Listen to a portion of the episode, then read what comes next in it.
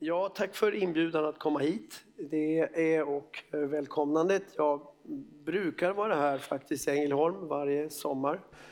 Min fru och hennes syskon har stugor här, eller ja, hus vid, vid ehm, Skepparkroken. Min svärfar kommer från ehm, Starby utanför, utanför Ängelholm. Så att eh, jag känner till trakterna eh, och, och tycker det är väldigt trevligt att vara här. Så det är en särskild förmån att få vara i den här gemenskapen som jag har hört mycket gott om, det måste jag säga. Eh, så, så det är spännande. Jag har arbetat med att försöka tolka de här sakerna som pågår utanför kyrkans väggar sen i slutet på 70-talet. Eh, så jag har sysslat länge med, med de här liksom spaningarna eh, över samtiden och en del av det har också kanaliserats i Forum för tro, kultur och samhälle. Vi gjorde ett nyhetsbrev och så blev det en tidskrift som heter Nod som Dagen har tagit över nu så att jag jobbar med det i många år. Eh, och undervisat på skolan hela tiden, jobbat med studenter på universitetet, eh, jag gör det nu igen. Eh, där man också möter mycket av de här frågorna som rör sig i samtiden. Och ni hör att jag är hes. Eh, eh, jag, eh, det finns folk som har sagt åt mig, du borde inte vara ute och tala så här. För att jag är förkyld och min röst har varit liksom på fallrepet. Och ni kan väl kasta en, en och annan tanke uppåt himlen för att rösten ska hålla. För att det, den är verkligen skör och jag kan få såna här hostattacker också och förstöra hela ljudanläggningen och kanske era öron också. Ehm, men vi, vi, jag kör och så får vi hoppas att det håller. Så är det. Ehm, och jag kommer, vi kan köra fram. Jag, jag, jag får göra tecken hela tiden så.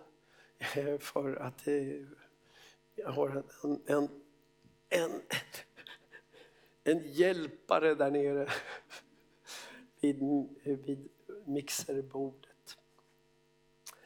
Ja, för sådär 50-60 år sedan så var väldigt många experter säkra på att det här med tro och religion skulle försvinna. Somliga var absolut bombsäkra på att det inte skulle spela någon roll i den tid vi, vi nu lever. När förnuftets klara ljus lyst in i alla våra innersta skrymslen och vrår så skulle alla vidskepligheter försvinna. Som var prognosen och den uppfattades som säker. Eh, men utvecklingen har gått i rakt motsatt riktning kan vi säga. Det här är ett uppslag i en tidning. En eh, vetenskapsjournalist eh, som var redaktör för en av alla dessa otaliga må bra-tidskrifter. Jag fattar inte hur många det kan finnas. Men faktiskt, hon ringde mig för några år sedan och frågade hur kan det komma sig att det blir, finns så många tv-program eh, om andliga saker, som har tv-serier och filmer där det andliga spelar stor roll. Och vi pratade ganska länge om det i en intervju. Och det blev en, en artikel med det här uppslaget. Har du också, att det våras för det okända, har du också haft oväntat besök? Nej, vi talar inte om kaffe nu, utan om utomjordingar, vampyrer och varelser från andra sidan. New Age-kännaren Lasse Johansson talar om en ny folkhemskultur och den bygger inte på vetenskap och beprövad erfarenhet. Och så är det flera, flera sidor där jag ger en tips på olika tv-serier och program. Rubriken är också Det kryllar av spöken på tv. Sen är det flera sidor med en lista. Hon har kompletterat en lista jag gav henne. Och det är ju intressant eh, att det kan vara så att detta lockar väldigt många tittare. Några år senare rapporteras att var femte svensk tror att det finns människor som kan gå igen. Och lika många har alltså upplevt att de sett eller varit i kontakt med, haft förnimmelser av personer som är döda. Det här var en SIFO-undersökning 2012 som publicerades i Svenska Dagbladet och man konstaterar att det där är renässans för tron på andar och spöken. Några månader senare vandrar jag omkring på, eh, i Solna i mässhallar, på två, två stora mässhallar eh, på temat inre harmoni. Utbudet är jättestort. Här finns det mesta som en andligt intresserad sökare kan önska sig. Man kan få massage, healing, rader av rådgivare erbjuder vägledning. Det kan vara via tarotkort, stjärntydning eller att man kopplar upp sig mot andliga guider som, som, som vill oss någonting. Det kan vara avlidna anhöriga också eller kraftdjur om det är lite mer schamanskt stuk på metoden om man säger. Suget är stort. Inte särskilt många är sysslolösa länge där. Eh, det är fullt tryck. Och jag har sett det här otaliga gånger. Till och med olika kristna grupperingar är här. Eh, för första gången är det många, det är fem grupper som är där. Och jag blir så glad när jag ser det. För jag tänker, äntligen är vi på plats. Här går människor och söker råd för sina liv, för sin framtid. Och nu kan de också få hjälp, samtal, bön, förbön faktiskt av kristna. Men i regel är vi inte närvarande eh, i de vägskäl där människors liv avgörs. Men det här var eh, ett positivt exempel. Ehm, på en sån här mässa så kan det finnas väldigt mycket i koncentrerad form som i vanliga fall är så utspätt i samhället att man kanske inte märker att det finns. Va? Men här finns det på ett koncentrat. Och de som driver den här mässan säger, de pratar till och med att, om att vi just nu är inne i en skördetid. 80 och 90-talen var en såningstid. Vi har aldrig haft så stort intresse som nu. Man pratar om den nya new age till och med. En intressant formulering minst sagt. Eh, och så här kan, vi, så här kan man hålla på. Vi kan köra vidare. Det här är en studie från eh, Högskolan Dalarna. Två forskare håller på och river inredningen, förlåt mig.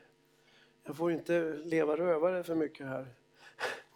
Eh, två forskare vid Högskolan Dalarna har inventerat det andliga utbudet i landskapet Dalarna.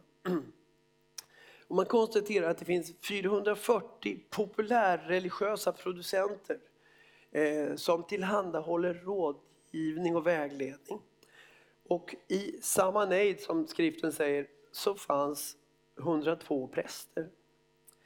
Eh, så att det är ungefär fyra gånger färre som representerar kyrkan. Skulle man pytsa på lite pastorer i frikyrkan och sådär så skulle inte siffran bli jättehög. Eh, kanske 130 eller någonting. Det är ungefär fyra gånger fler aktörer utanför kyrkans ram som tillhandahåller vägledning och rådgivning vilket i sig är en utmaning.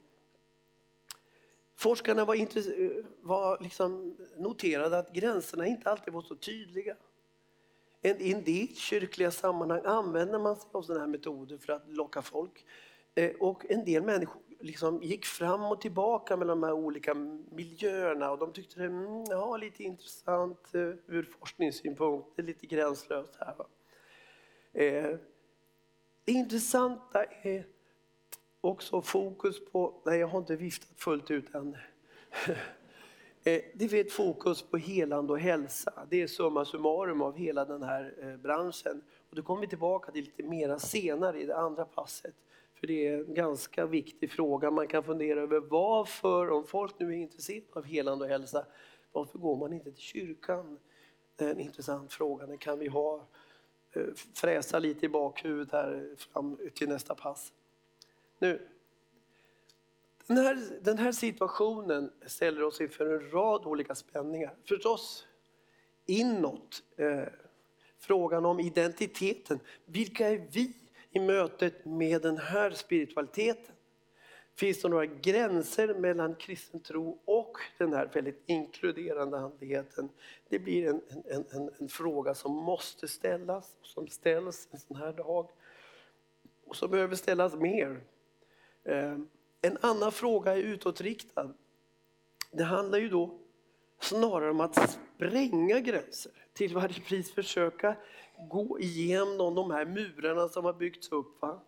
av, genom decennier och århundraden kanske. Hur kan vi gå utanför våra sammanhang och nå kontakt med människor som är andligt intresserade? Och här, här är det två olika rörelser. Vi behöver få kontakt, men vi också behöva känna till våra egna gränser. En annan intressant sak är ju att vi möter idag en tydlig spänning mellan religion och andlighet. Religion uppfattas ofta som ett problem. Folk säger ja, men är religiös? Nej, det är jag ju absolut inte.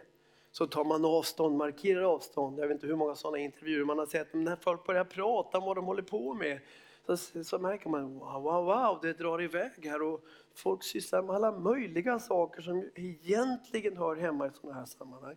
Här med religiös är man inte. Andliga däremot är man väldigt ofta, väldigt ofta och markerar att andlighet är populärt. Religion uppfattas som ett problem. Religion, och det här definierar man i en, i en engelsk undersökning som kom för några år sedan. Eh, man försöker att förstå vad är skillnaden mellan de här olika storheterna. Jo, religion heliggör livet enligt ett högre mönster. Här går alltså individen in under en högre helighet. Medan andligheten tvärtom, där går individen in i sig själv. Utforskar egna inre potentiella resurser, tillgångar, möjligheter. Det är två olika rörelser. Och den här senare andligheten går helt i takt med tiden. Individualiseringen, fokus på individen och dess särskilda behov. Och på, alltså det, det här är, man utforskar det inre livet. Eh, och det här är förstås en oerhörd utmaning för folk tycker ju inte om att gå i takt nu för tiden. Man vill inte vara med i grupperingar som tror lite mer särskilt, alltså som i tidsanden. Man vill hellre vara privatspanare i det andliga landskapet än att vara med i en grupp. Och det här kommer vi också, jag kommer att ta tag i den här tråden lite mer i nästa pass. Den är väldigt intressant. Den handlar om att individer vill uppleva en personlig förändring. Och det kommer jag ta tag i nästa pass. Så det här är en utmaning. Eh, ehm, att vara en privatspanare är som sagt modellen. Och det är också anledningen till att begreppet new age är jättedött, stenute. Liksom. För att mm, här om du säger, det är ingen som vill stå för new age idag. Nej men det är absolut förfärligt.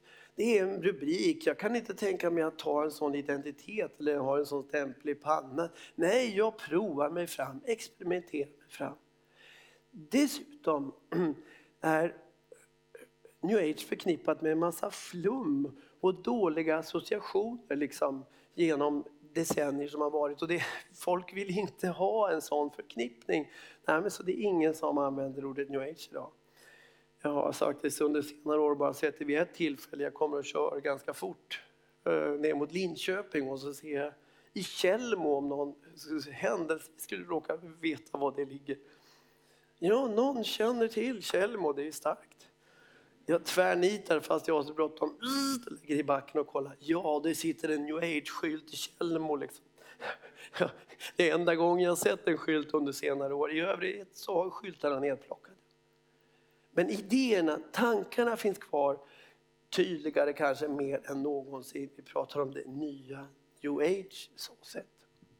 Nej, nej, nej, nej, jag får inte vifta för mycket. Jag får hållas den här backa det är intressant. Jag brukar använda armarna väldigt mycket.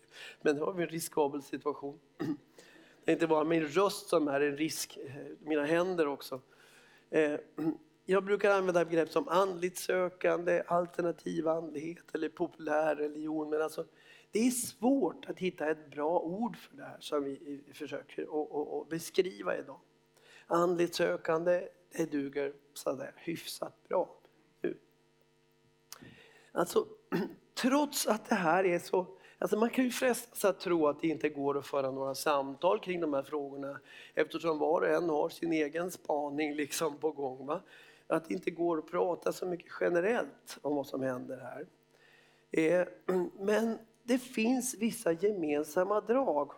Så det här handlar den första samlingen lite om. att Jag ska peka på några gemensamma drag och, och försöka värdera dem, hur geda mig. Alltså, det är också inte så jättepopulärt att man har synpunkter, jag kommer aldrig glömma liksom när jag råkade ha synpunkter på andlighet en gång.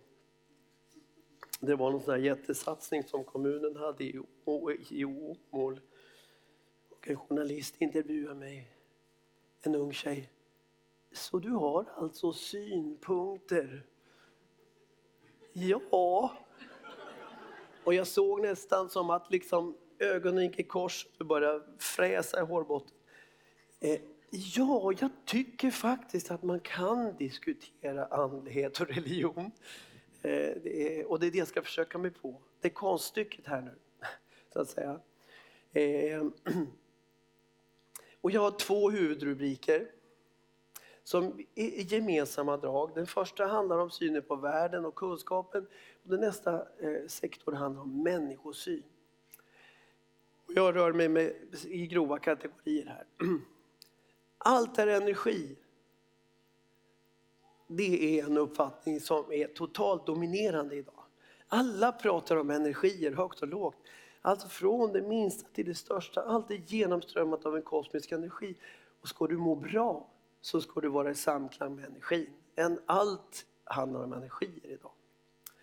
Eh, det här är förstås en andlig närvaro mitt i det materiella och så nära vi kommer en föreställning om Gud. Gud, om man nu existerar, är den här konturlösa kraften, det här energifältet som inte har någon personlighet eller moralisk identitet utan ungefär som i Stjärnornas krig, the force. Uh, the force. Vissa, ord, vissa bokstäver försvinner tydligen. Mm, the force. Eh, alltså, kraften bortom gott och ont, ungefär en sån föreställning är väldigt vanlig idag. Det är inte en personlig storhet vi talar om, utan en neutral storhet. Erfarenhet, inte förnuft. Ja, den här kulturen är extremt erfarenhetsbaserad. Det finns en berättelse i buddhismen som återanvänds många gånger som jag har hört. Där sitter en mästare och mediterar och så kommer en sökare och frågar om vägen till kunskap och befrielse.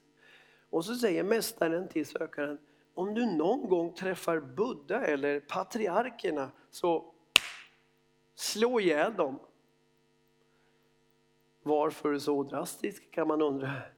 Jo, de här personerna representerar auktoriteter utanför dig själv som vill tala om för dig vad du ska tro och tycka. Va? Och sånt ska man akta sig för, enligt den här uppfattningen. Va? Men vad ska man då ta sig till? Jo, man ska vända blicken inåt. För här i det inre finns all sanning vi behöver. The only way out is in, som han har formulerat sig. Ja, visst, i det inre finns sanningen. Men hur får vi tag i den? Jo, här kan den här mästaren kanske bli behjälplig. Han kan tipsa om olika tekniker som vi kan använda. Ja, vi kan andas på ett särskilt sätt. En särskilt ord kanske, eller en särskild stillställning. Alltså det finns tekniker som fungerar som nycklar som öppnar oss Eh, så att vi hamnar i de inre rummen där all sanning finns. Så det är väldigt metodinriktat.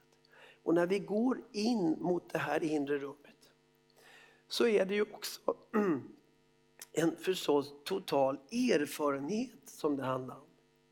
Det är inte världen där ute där vi kan väga, mäta och beräkna och jämföra utan det är den inre subjektiva världen där känslan är kriteriet för allt. Så det är ett fokus på känsla. Eh, Förnuft är bra, men eh, underordnat. Läror och dogmer är dåliga. Rent ut sagt, det är liksom hinder på vägen. Kan, hur kan man vrida på det här och skruva på det? Ja, jag har en, plus, en kalkyl här. Plus, minus och sen ett kryss kommer så småningom här. Och där har vi eh, Christ, eller kristendomen, en engelsk, ofta i engelska sammanhang finns krysset med som en symbol, symbol för, för det kristna. Och jag på river. Jag får skärpa mig. Jag tror jag parkerar den här lite längre in. Så att det inte händer hemska grejer. Mm. Öppen världsbild jag har skrivit. Och vad menar jag med det? Jo, Väldigt många svenskar är uppfostrade med en bild av universum som ett urverk. där allting tickar och går. Följer de givna lagarna, inga avvikelser inträffar i det kosmiska urverket. Tick, tack, tick, tack, tick. Liksom. inträffar inga mirakler, allt går sin gilla gång. En annan bild är liksom bilden av den här lilla lådan om vi säger här är vi i det materiella, den synliga världen som också förstås är den verkliga världen och den viktiga världen. Allt som utanför ramarna är det icke-materiella, det osynliga och därmed overkliga och oviktiga. En sån bild av världen har väldigt många svenskar. Men så kommer de här människorna med andliga intressen och sparkar ut golv och väggar och tak ur den här kartongen så det bara far åt alla hopp. Och så släpper man in det andliga i den här kartongen eller man sabbar hela kartongen. Och tänker, ja men under kan inträffa mitt i urverket. Mirakel blir en möjlighet. Alltså det är en öppen världsbild. Eh, och det är intressant. För vad händer här? Jo, de provocerar oss i kyrkan, de sparkar oss i ändan och tänker, ja men har väl inte ni att komma med någonting? Vad tror ni på i grund och botten? Så det är det goda med det här. De förväntar sig att vi har någonting att komma med, faktiskt. Ehm, en bekant till mig har en, en god vän som jag vet om en märkvärdig historia för flera år sedan. Hon hade fått besked om bröstcancer och skulle på återbesök. Innan hon skulle på återbesöket så bad hela familjen ganska länge för sin, sin mor och maka. Och så går de på återbesöket. Och nu syns det inte någonting av det som syntes tidigare. Läkaren är chockad. Hon är, fan, hon är bara överlycklig. Läkarna vet inte vad, hur de ska tolka situationen. Hon är övertygad om att Gud har svarat på bön. Eh, så hon går till jobbet, hon är liksom en storfräsare, hon är kommunalråd i den här stora kommunen. Hon berättar om det här på jobbet. Hela dagen går åt för henne att berätta om detta fantastiska. På kvällen är det körövning i kyrkan. Hon går dit och berättar om det här och där är folk inte riktigt lika gasade. Inte riktigt lika sådär intresserade utan ja, lite mer reserverade. Eh, ja, det var bra. Ja. Och hon blir chockad. Så. Hon börjar fundera över, har det hänt någonting med oss? Har vi blivit för vardagsnära, realistiska och så vidare? Ja, sånt kan ske och sånt sker faktiskt. Eh, den här andligheten sparkar oss i baken. Jag undrar, vad tror vi att Gud kan göra skillnad i vardagen? Liksom? Så på så vis är det här jätteintressant. Det, får liksom, det skrämmer lite oss faktiskt. Yes. Har vi pratat om en plusfaktor så har vi nu en minusfaktor. Alltså människor som är vidöppna för det andliga som man är i den här branschen kommer över tid att uppleva att ja, det är inte så lätt att hålla sig väl med alla krafter och nivåer här. Va? Man bläddrar i en del såna här bokkataloger och besöker butiker så hittar man de här skyddsamuletterna, andefångare, påsar med stenar i man ska ha runt halsen för att skydda sig från negativa inflytanden. Va? Och för några år sedan var det ju superpopulärt med kristaller. Och om någon tog, hade tagit för mycket på dina kristaller måste du lägga dem i saltlösning så de blir av med sina negativa energier. Och sen måste du samlas tillsammans med några likasinnade och programmera upp dem igen så att de blir kraftfulla och verksamma. Mycket pyssel med det här. Har du fått missfärger i dina energicenter, chakras eller din aura så måste du kanske köpa olikfärgade oljor och kompensera de här färgförlusterna. Det är en slags invecklad metod där också. Alltså det blir mycket pyssel med det här. Mycket arbete. Men också en smygande räds rädsla. Är jag nu garderad? Liksom? Är, jag liksom nu eh, safe i alla led? Så jag inte utsätts för någon typ av negativ energi eller påverkan. Många berättar saker av det här slaget, att i början är allting fantastiskt. Man upplever så mycket ljust och så vidare men efterhand kan det komma en smygande rädsla om man är med om obehagliga saker. En kvinna som eh, bor ganska nära oss berättade för några år sedan att ja, hon har ju varit i den här branschen och så säger hon till slut så börjar det hända konstiga saker. Det var oroligt och eländigt. Tjuter i knutarna, böcker far ur bokhyllan. Jag vet inte vad jag ska ta vägen. Så jag går till en kyrka, hon nämner en av kyrkorna i Örebro, för att be om hjälp. Och hon säger, de bad för mig där. Sen har jag haft lugn och ro i mitt liv.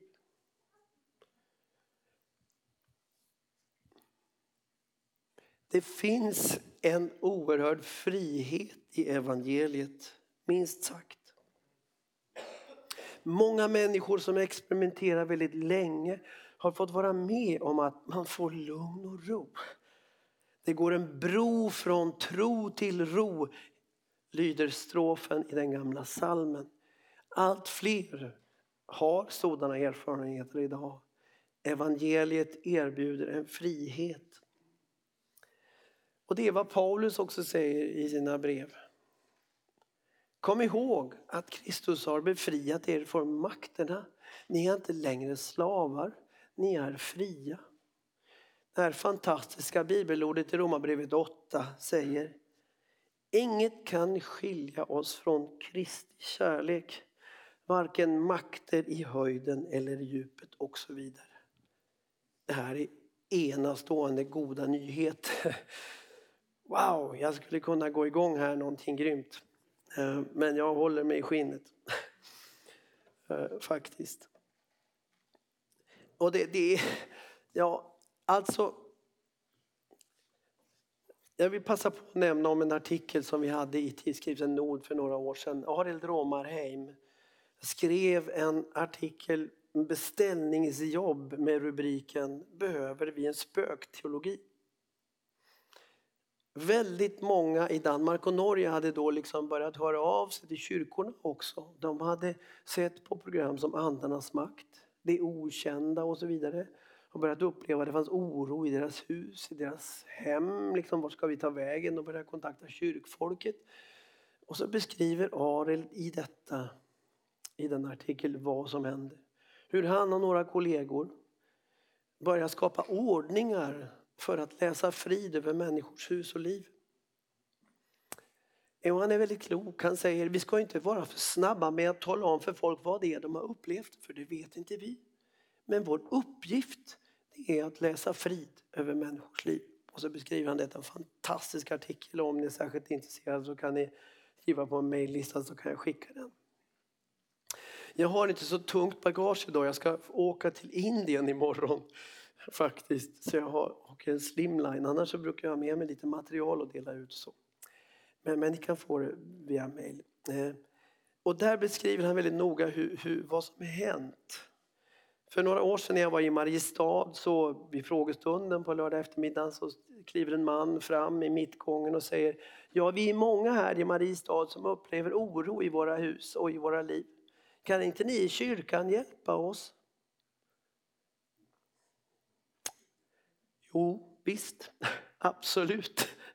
Alltså här finns det fantastiska rikedomar. Det går en bro från tro till ro. Jag har varit med om det här bara liksom senaste halvåret. Att vara hemma hos människor som har sån oro i sina lägenheter. Sånt elände. Och be om frid. Nu börjar jag rysa här. För det är så oerhört. Folk kommer faktiskt till tro. Uppleva den här skillnaden. Det är all skillnad i världen. Yes. Hur ska vi förhålla oss till det här med medier? Det är ju så otroligt populärt. Det är ju denna folkrörelsen att gå till medier. Folk har frågat mig, hur ser du på det här? Då är det människor som inte är troende, liksom tillhör en kristen kyrka, som frågar mig, då, eftersom de vet att jag är intresserad av sådana saker. Och då brukar jag ha den här linjen. Om jag talar till en människa som inte är troende, som inte utgår från att Bibeln har någonting att säga, så, så brukar jag köra en argumentation ungefär så här. Ehm, för det första, de frågar, tror du sånt här kan hända? Ja, jag tror att det finns människor med den här typen av förmågor. För alltså, grejen är ju den att de upplever hur folk talar träffsäkert in i deras liv. Folk säger en massa saker som bara de själva känner till och då blir de djupt imponerade och tänker hur i all världen kan det här gå till? Så kommer den första frågan. Kan sånt här ske? Jag brukar säga ja men visst sådana här personer finns det med sådana här särskilda gåvorna. Det är det första jag säger, jag bekräftar. Sen börjar jag vara varna till försiktighet. För det, för det andra säger jag bara därför att de här människorna har talat sant om det som varit i ditt liv är det inte säkert att de kommer att göra det, det som kommer att inträffa. Så, och här kommer den tredje synpunkten in. Akta dig för sådana ord. Vi har en fantastisk förmåga att leva våra liv som självuppfyllande profetior. Du kan få höra saker som gör att du blir bunden.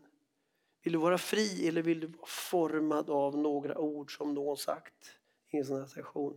Ja, ja precis. Och så säger jag också till, till slut, för det fjärde. Det är inte säkert att det bara finns ljusa krafter. Att det bara finns goda krafter i den här världen. Det kan också finnas krafter som vill lura oss. Så, så ta det försiktigt. Och intressant nog så är det faktiskt flera av de här som liksom backat. Och märkvärdigt nog så har de faktiskt kommit i kontakt med kristna på jobbet eller ja, ni vet. Det är som C.S. Lewis pratar om, när en människa väl har blivit berörd, liksom har börjat en resa så är det inte det är riskabelt. Då ligger de risigt till. Jag har sett några gånger här. Intressant. Så. Om vi möter en människa som är troende och som tror på Bibeln och att den har någonting viktigt att säga, då, då är ju argumentationen en annan. Då är det ju väldigt tydligt att det finns ju texter som manar oss till stor försiktighet.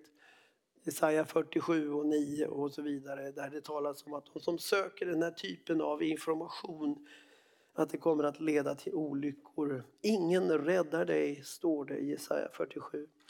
Första Samuelsboken 28, den här klassiska berättelsen om Saul som går till en andebesvärjerska. Varför gör han det? Jo, han är rädd. Han börjar bli osäker på om Gud verkligen är någonting att ha. Han vill ha liksom bekräftelse, information. Så han går till en sån här medium. Och sen går det ju ännu sämre för Saul och det vet vi. Femte Mosebok 18, 19 till 9 till 14 ska det stå där. Jag står där. Där finns det en lång lista på olika saker som man inte ska syssla med. Besvärjelser, trolldom, magi, kontakt med döda och så vidare. Varför då? Jo, det leder oss in i beroenden som inte är bra. Alltså. Vi får felaktiga beroenden kort och gott. Vi börjar lita på andra instanser och krafter. Yes. Eh, det finns mycket att säga om det här. Vi, kan ta, vi, vi, har, ju lite, vi har ju lite tid tillsammans idag så vi kan fortsätta vår, vår, vår bearbetning. Den här punkten vet jag inte om jag hinner med så jättemycket men jag ska ändå nämna ungefär hur tankelinjen går för jag ser att tiden är, tiden är knapp. Eh, förnuftskritik, ja det, det finns positivt i i att man ifrågasätter det här fyrkantiga förnuftet. Det såg jag väldigt tidigt när den här första vågen av seriös new age kom. Så var det faktiskt eh, en av de saker jag uppskattade. Man, man plockade sönder det här självsäkra förnuftet och sa att det finns många vägar till kunskap. Människan är oändligt rikt utrustad. Visst, eh, absolut. Ehm, och, och, och, och jag kan bara hålla med. Det är inte bara det fyrkantiga förnuftet som är vägen till kunskap. Så det, i, i, men, så. men samtidigt så går man också väldigt långt här åt andra hållet. Känsla, godtycke. Och ett exempel som jag har använt så många gånger att det nästan är utslitet nu. Det handlar om ett samtal jag hade med Kai Pollak. Eh, Föreläsaren och filmregissören. Han, vart man än är någonstans i Sverige så, så har han varit där tidigare. Liksom.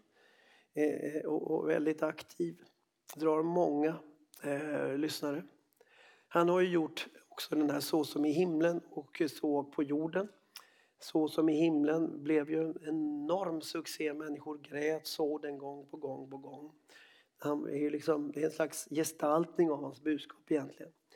Men där sitter jag och Kai Pollak och Peter Halldorf och pratar om Jesus, vem han kan ha varit. Peter Halldorf leder samtalet. Så säger Kai Pollak några ganska kontroversiella saker som han i samma andetag säger vara helt i enlighet med Nya Testamentet. Vilket gör mig förvånad. Jag går och hämtar ett Nya Testament och slår upp några verser i Andra Korinthierbrevet 5. Där det finns några riktiga kioskvältare. Liksom, rakt in i centrum av korsdramat. Jag visar honom de här verserna och säger ja men det som står här det är någonting annat än vad du sa alldeles nyss. Så tittar han på dem och säger Ja, ja, men de där verserna de är ju senare tillägg, säger han. Varpå jag inte kan låta bli att fråga Hur vet du det? Och han svarar frimodigt Jag känner det. Då kommer frågan Hur går man vidare? typ, jag skulle ju kunna säga ja, men jag känner att det inte är så. Ja, och då kan vi sjunga We shall overcome ihop. Eller hur? För då blir Glenn salig på sin intuition. Liksom, va? Sån är den där kulturen. Liksom. Eh, ja, ja, visst. Men, men, men, men nu är det ju så att eh, hans intuition ger honom felaktig information. Alltså de här man läser massa extra kurser i handskrifternas historia, textkritik och när jag läste det, jag visste inte visste, varför läser jag det här? Eh, det är ju egentligen sånt som Tommy Wasserman, min nuvarande kollega, håller på med varenda dag. Men jag har gjort det också någon gång way back. Så jag vet att han har fel. Att de här verserna de är inte några senare inskott eller hugskott eller tillskott utan de är del av ett sammanhang som sammantaget är väldigt gammalt. Och här har vi ett krux. Va? Folk känner vad som helst i de här miljöerna som kan gälla som en sanning. Och det går iväg in i ett godtycke där folk kan riktigt, råka riktigt illa ut faktiskt. Eh, och, och, och eh, här behöver vi vara lite försiktiga och ställa frågor om hur saker och ting hänger ihop. Där. Eh, vad har du hört det här någonstans? Hur hänger det, det som du sa nyss ihop med det som du säger nu? Eh, för några år sedan så träffade jag en ganska känd person eh, som gjort många program på TV4 som varit inblandad i den här typen av andlighet också. Och eh, hon var med i samma serie, Kyrkans Tidning, som jag var med i också som fokuserade på det här andliga sökandet. Och ehm, jag läste intervjun med den här människan eh, innan jag skulle träffa henne i ett offentligt samtal i Stockholm. Eh, och där sägs det då i början av intervjun med den här människan som jag håller hela tiden på att säga namnet på men som jag inte ska säga. Eh, att det hon särskilt söker det är en känsla, liksom, det hon särskilt gillar det är Gud som en kravlös energi. Det är fint. Och sen lite längre in i intervjun så säger hon någonting om att det hon särskilt söker det är en känsla av frid och tio Guds bud. Och ja, ni kan ju ana lite hur man tänker då och vill fråga när man möts. Och då ställer jag den här frågan, hur går de här buden ihop med den kravlösa guden? Och så tittar hon på mig och ser otroligt förvånad ut. Och just förmodligen på grund av den här typen av frågor får hon nästan aldrig. Liksom. Så, så man är ju lite partydödare där. Jag var det faktiskt under den där dialogen. Det var lite dålig stämning eh, när man ställer sådana frågor. Ja, det blir liksom dålig stämning. Men hon blir jättetyst. Och är tyst länge och så säger hon med ord som förmodligen inte brukar sägas från, den här, från det här podiet. Det går inte ihop och jag skiter fullständigt i det. Och det är klart, visst finns det paradoxer. i tillvaron. Men det finns väl också gränser för hur saker kan kombineras. Liksom. Jag berättade här för några år sedan för en, och sitter en student som är liksom mitt i livet, som har varit med om väldigt mycket, som har mycket erfarenhet. Och så tittar hon upp ifrån bänken och säger klockrena ord. Va? Har hon så lite respekt för sitt andliga sökande? Handlar andligt sökande om att plocka ihop en massa favoritkänslor och föreställningar utan att ställa de här frågorna. Men var jag kom, fått det här ifrån? Hänger det ihop med det som jag tror i övrigt? Alltså här menar jag att man kan vara försiktig och ställa lite frågor om sammanhang, sanning och konsekvens och så. Och då kan man också upptäcka så småningom att det finns också auktoriteter i den här eh, kulturen som säger sig vilja akta sig för auktoritet. Det finns alltid någon bok som utövar ett jätteinflytande. Mir Course of Miracle, Miracles, Mirakelkursen är en bok som har haft en enorm betydelse. Den fungerar som en bibel i princip. Jag skulle kunna gå loss och prata om den här nu. Men den ska man läsa varje dag. Och den ger oss en komplett beskrivning av människans fall, återupprättelse. Det är en total dogmatik. Men boken hyllar känslan, erfarenheten som väg till kunskap. Men den förklarar helt och hållet hur världen fungerar. Så det här är en paradox. Och det är en bok som utifrån talar om för mig hur världen fungerar. Så det är lite av en paradox. Det finns böcker, det finns personer som fungerar som auktoriteter. Och ska vi få ett bra samtal så kan man behöva ställa frågor. Man, vilken bok har påverkat dig mycket? Vilken lärare har du? Och så vidare. Så får man en slags markberedning för ett bra samtal. Nu pratar jag som den bondson jag är. Eh, alltså, markberedning är bra. Det gör att det blir en god växt. Ehm, och eh, som en kille sa i en dialog när jag påpekade det här i Stockholm, Thomas Frankell, en alldeles utomordentligt trivsam människa. Jag säger, ja, men du har ju Course of Miracles som en, en auktoritet, den fungerar som en bibel för dig, säger jag. Och då ser han förvånad ut, ungefär som att det var något nytt. Och så säger han, jo, ja just det. Men också ni i kyrkan har ju era auktoriteter, eh, säger han. Jajamensan, säger jag. Vi simmar alla i samma båt. Som Refat El Sayed sa för många år sedan. Om ni är tillräckligt gamla så känner ni till den legenden.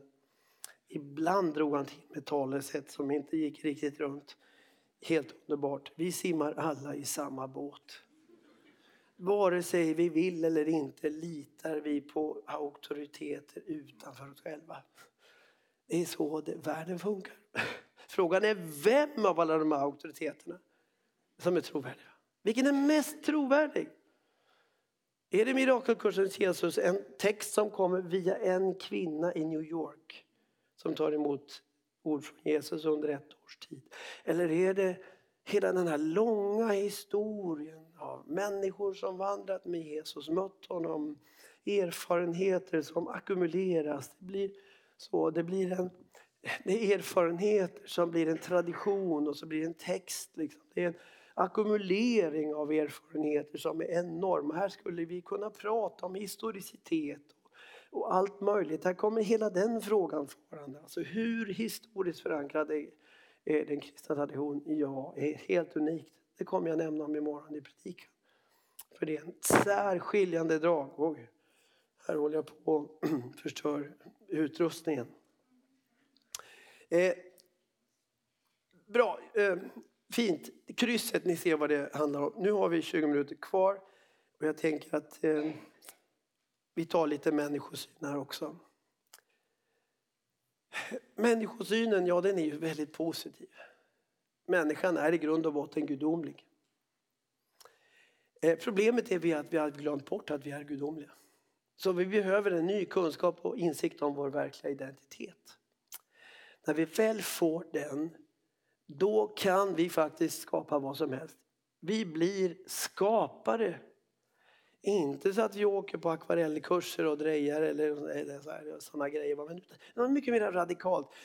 Det är att jag med tankekraft kan skapa vilken värld och verklighet jag vill.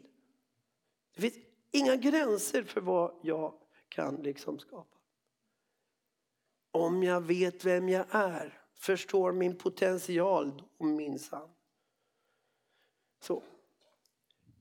Återfödelse är en vanlig föreställning också. Man tänker mera västerländskt att vi återföds i någon slags stigande utveckling där vi får många chanser på oss. Det är inte Österlandets upprepning, cykliska förlopp där frälsning är liksom att slippa ut ur ett kretslopp utan det är en ständigt uppåtstigande eh, process. Och det här är i sig en intressant sak för det är en västerländsk version av återfödelseläran som vi ser här. Också den kan ni återkomma och fråga kring. Hur som helst, det här är några grunddrag. Så vi, eh, vi kan hoppa de följande punkterna. Den här, så. Vi kan hoppa det här och så kan jag ta in det lite i nästa pass istället. Eh, och så fokuserar vi här. En pluspunkt är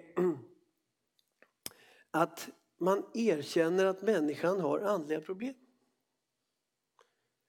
Man kan säga, ja men problemet är ju att vi har tappat kontakten med vårt ursprung. Vi har förlorat den kontakten. Det är därför det ser ut som det gör i världen. Vi behöver få en ny kontakt med vårt ursprung.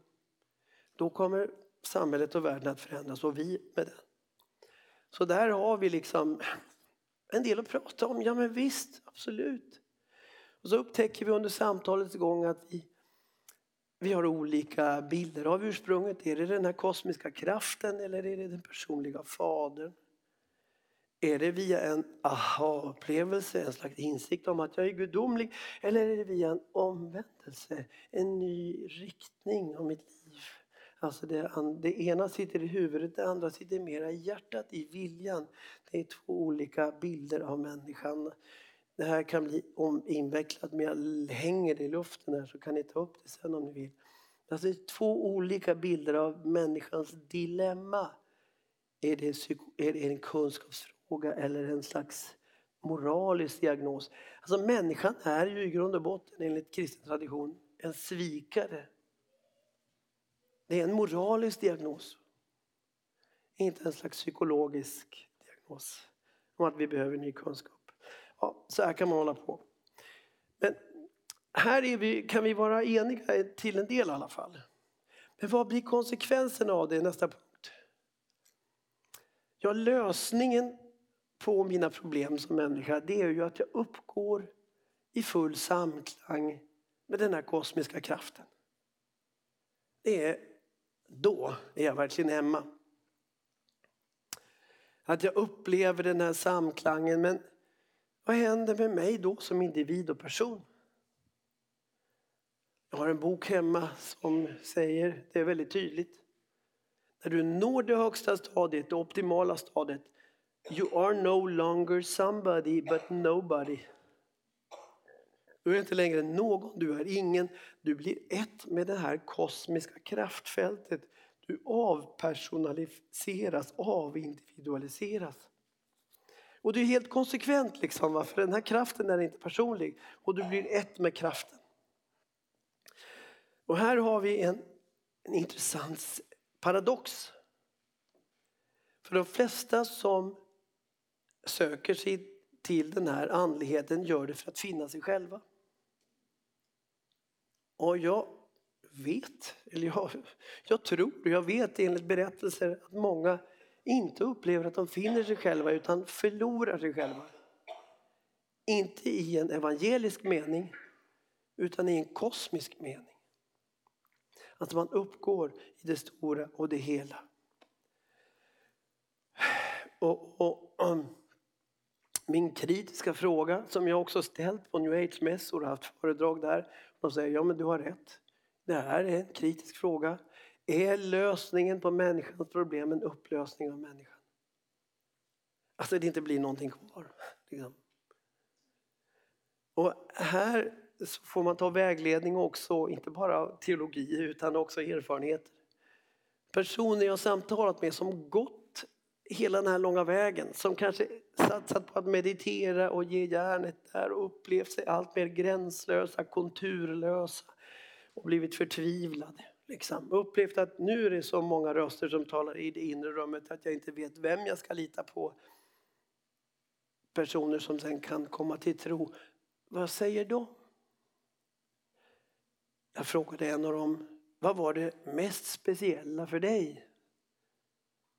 Då säger hon, jo, det var att jag på nytt kunde säga, jag vill. Hon upplevde att hon fick tillbaka sitt centrum, sin kärna, sin individualitet, personlighet. Det blev en upprättelse av henne som människa. Och det är det som evangeliet handlar om. Vi upprättas som individer, som personligheter för gemenskap med en personlig Gud. Eh, oj, nu börjar jag nästan predika kände jag det här är riktigt starka grejer. Det här kan jag tala om imorgon förmiddag. Jag kan säga att det viktigaste jag har att säga, det kommer jag säga imorgon förmiddag. Eh, men jag kommer att prata om varför just Jesus. Eh, och det kan vi aldrig faktiskt eh, få nog av. Speciellt inte efter mötet med det här. Alltså man ser tydligare kontraster när man jämför med andra åskådningar och det kommer jag göra imorgon. Här ser vi vad evangeliet handlar om. Vi upprättas för personlig gemenskap. Och det är doningar. Ansvar och möjligheter. Ja, vi är inte några offer för dålig eh, som uppfostran och samhällskrafter och så. Vi är inte bara eh, kraftlösa kollin liksom. Utan vi har faktiskt ansvar för våra liv och möjligheter att påverka vår situation. Det talar man väldigt mycket om och jag, jag kan bara säga utifrån kristna synpunkter, ja, visst så är det. Vi har ansvar och möjligheter att göra någonting åt våra liv. Men kruxet även här, det är att man går för långt kan vi säga. Man går väldigt långt. Och eh, det är, man går in i allmakten. Men om... Ja, här, det är ju ingen gräns mellan dig själv och Gud egentligen. Du har ju alltså samma förmåga som Gud. Du blir allsmäktig. Och det är klart att det är riktigt goda nyheter om man nu gått omkring och känt sig lite kraftlös och eländig och känt vanmakt och så vidare så får man höra på ett seminarium eller läsa i en bok om att man egentligen kan göra precis vad som helst. Liksom. Det är klart att man känner när liksom frihetens vind kommer med, som ett dån. Men om man levt med den här kompetensen i några decennier eller några år och försökt att tillämpa den och märker att det är inte så lätt att leva ut den här kompetensen. Det, det, det blir ju inte som det borde bli. Och då kommer kanske en ny vanmakt krypande. Nu förstår jag på ett djupare sätt att jag bara har mig själv att skylla. Liksom, om inte mitt liv blir så där lyckat som det sägs på seminarierna. Ja, det, det, det. Hela den här liksom nya befogenheten kommer tillbaka som en börda, som en belastning. Det här är en andlighet som lämpar sig väl för människor som orkar mycket. Som orkar hänga i och bita ihop och tänka jajamensan. Det talas väldigt lite om svaghet, beroende och brist. Så det här är en andlighet för, för människor som orkar hänga i, hänga i och bita ihop. Och i förlängningen av det här, vad får den här svindlande friheten för resultat? Ja, en liten historia från en sån där, från en sån där mässa. Jag hade, jag hade medverkat på en sån här mässa och satt tillsammans med tre andra personer och åt mat eh, vid dagens slut. Eh, och vi pratade och skrattade. Eh, fler, allihopa hade medverkat. Och då säger en av kvinnorna Nej, jag säger någonting bara på skoj sådär som ni vet. Ni märker att det kan hända. Eh, så jag drar ur mig någonting och, och så tittar hon strängt på mig och säger Akta dig, det är farligt att säga sådär. Varför gör hon det? Jo, därför att ord och tankar är ju skapande. Jag skapar ju mitt liv hela tiden. Vad får det för konsekvenser? Jo, ord och tankar går iväg som energier som kommer tillbaka som bumeranger i bakskallen och kan ställa till elände. Men då måste jag ju ständigt vakta på vad jag tänker och säger, eller hur? Vad är det för typ av frihet? Inte så jättemycket frihet, tvärtom. Man blir slav under sin nya frihet. Och är det inte ganska jobbigt att vara Gud när det kommer till kritan? Jo, rätt jobbigt. Och alla som har sett Bruce the Almighty kan intyga det. Det har sina sidor, minst sagt. Typ. Och, och, och, och, ja. Det är ju verkligen en, en oerhörd utmaning. Och vad sa jag? Vad sa jag till den där kvinnan nu då som tittat så strängt på mig? Och först ska jag påpeka att jag är väl medveten om det Paulus säger att vi ska tänka på vad vi tänker och vad vi säger. Han manar oss eh, att, att vårda tankar och ord. Men han gör det, och det är min poäng, inte utifrån ett magiskt tänkande. Utan från en bild, en värld där relationer betyder allt. Så när den här kvinnan tittar på mig och säger det är farligt att säga sådär, så svarar jag nej. Jag lever inte i en lika magisk värld som du. Jag är fri. Och hon studsar, jag lovar, till och lutar sig tankfullt tillbaka och sitter tyst en kvart. Medan samtalet pågår. Och det här är den oerhörda paradoxen att det, det, i kristen tro finns en frihet i beroende. Det finns en frihet i att inte vara Gud. Det finns en svindlande frihet i detta. Och det, för det är ju också sanningen om världen, eller hur? Ingen enda av oss kan gasa upp oss till gudomliga proportioner. Liksom, Därför att vi är ju skapta för relationer och därmed så är vi beroende, vi är begränsade och det är det som är sanningen om världen. Vi står alla i en väv av relationer. Och det är i relationer som nåd kan visa sig, som förlåtelse kan uppstå. Och jag kommer tillbaka till det där imorgon. Eh, distans, cynism har jag skrivit här och vad menar jag med det? Jo, här blir det riktigt tydligt. Om någon har råkat illa ut, vems är felet? Ja, egentligen har jag mig själv att skylla. En bekant till mig ställde den prövande frågan till en ledande figur inom det här fältet. Hur ska vi se på en liten flicka som blivit utsatt av övergrepp? Det var ett exempel och till slut så gick hon med på att ja, hon måste väl ha velat det innerst inne. För ingenting sker i det fysiska som inte tidigare har skett i det mentala, i tankevärlden. Allt, det finns en förläng, det finns en, allt är förlängningar av tankar och mentala processer. Och för mig kom hela det här tänkandet till någon slags kulmen.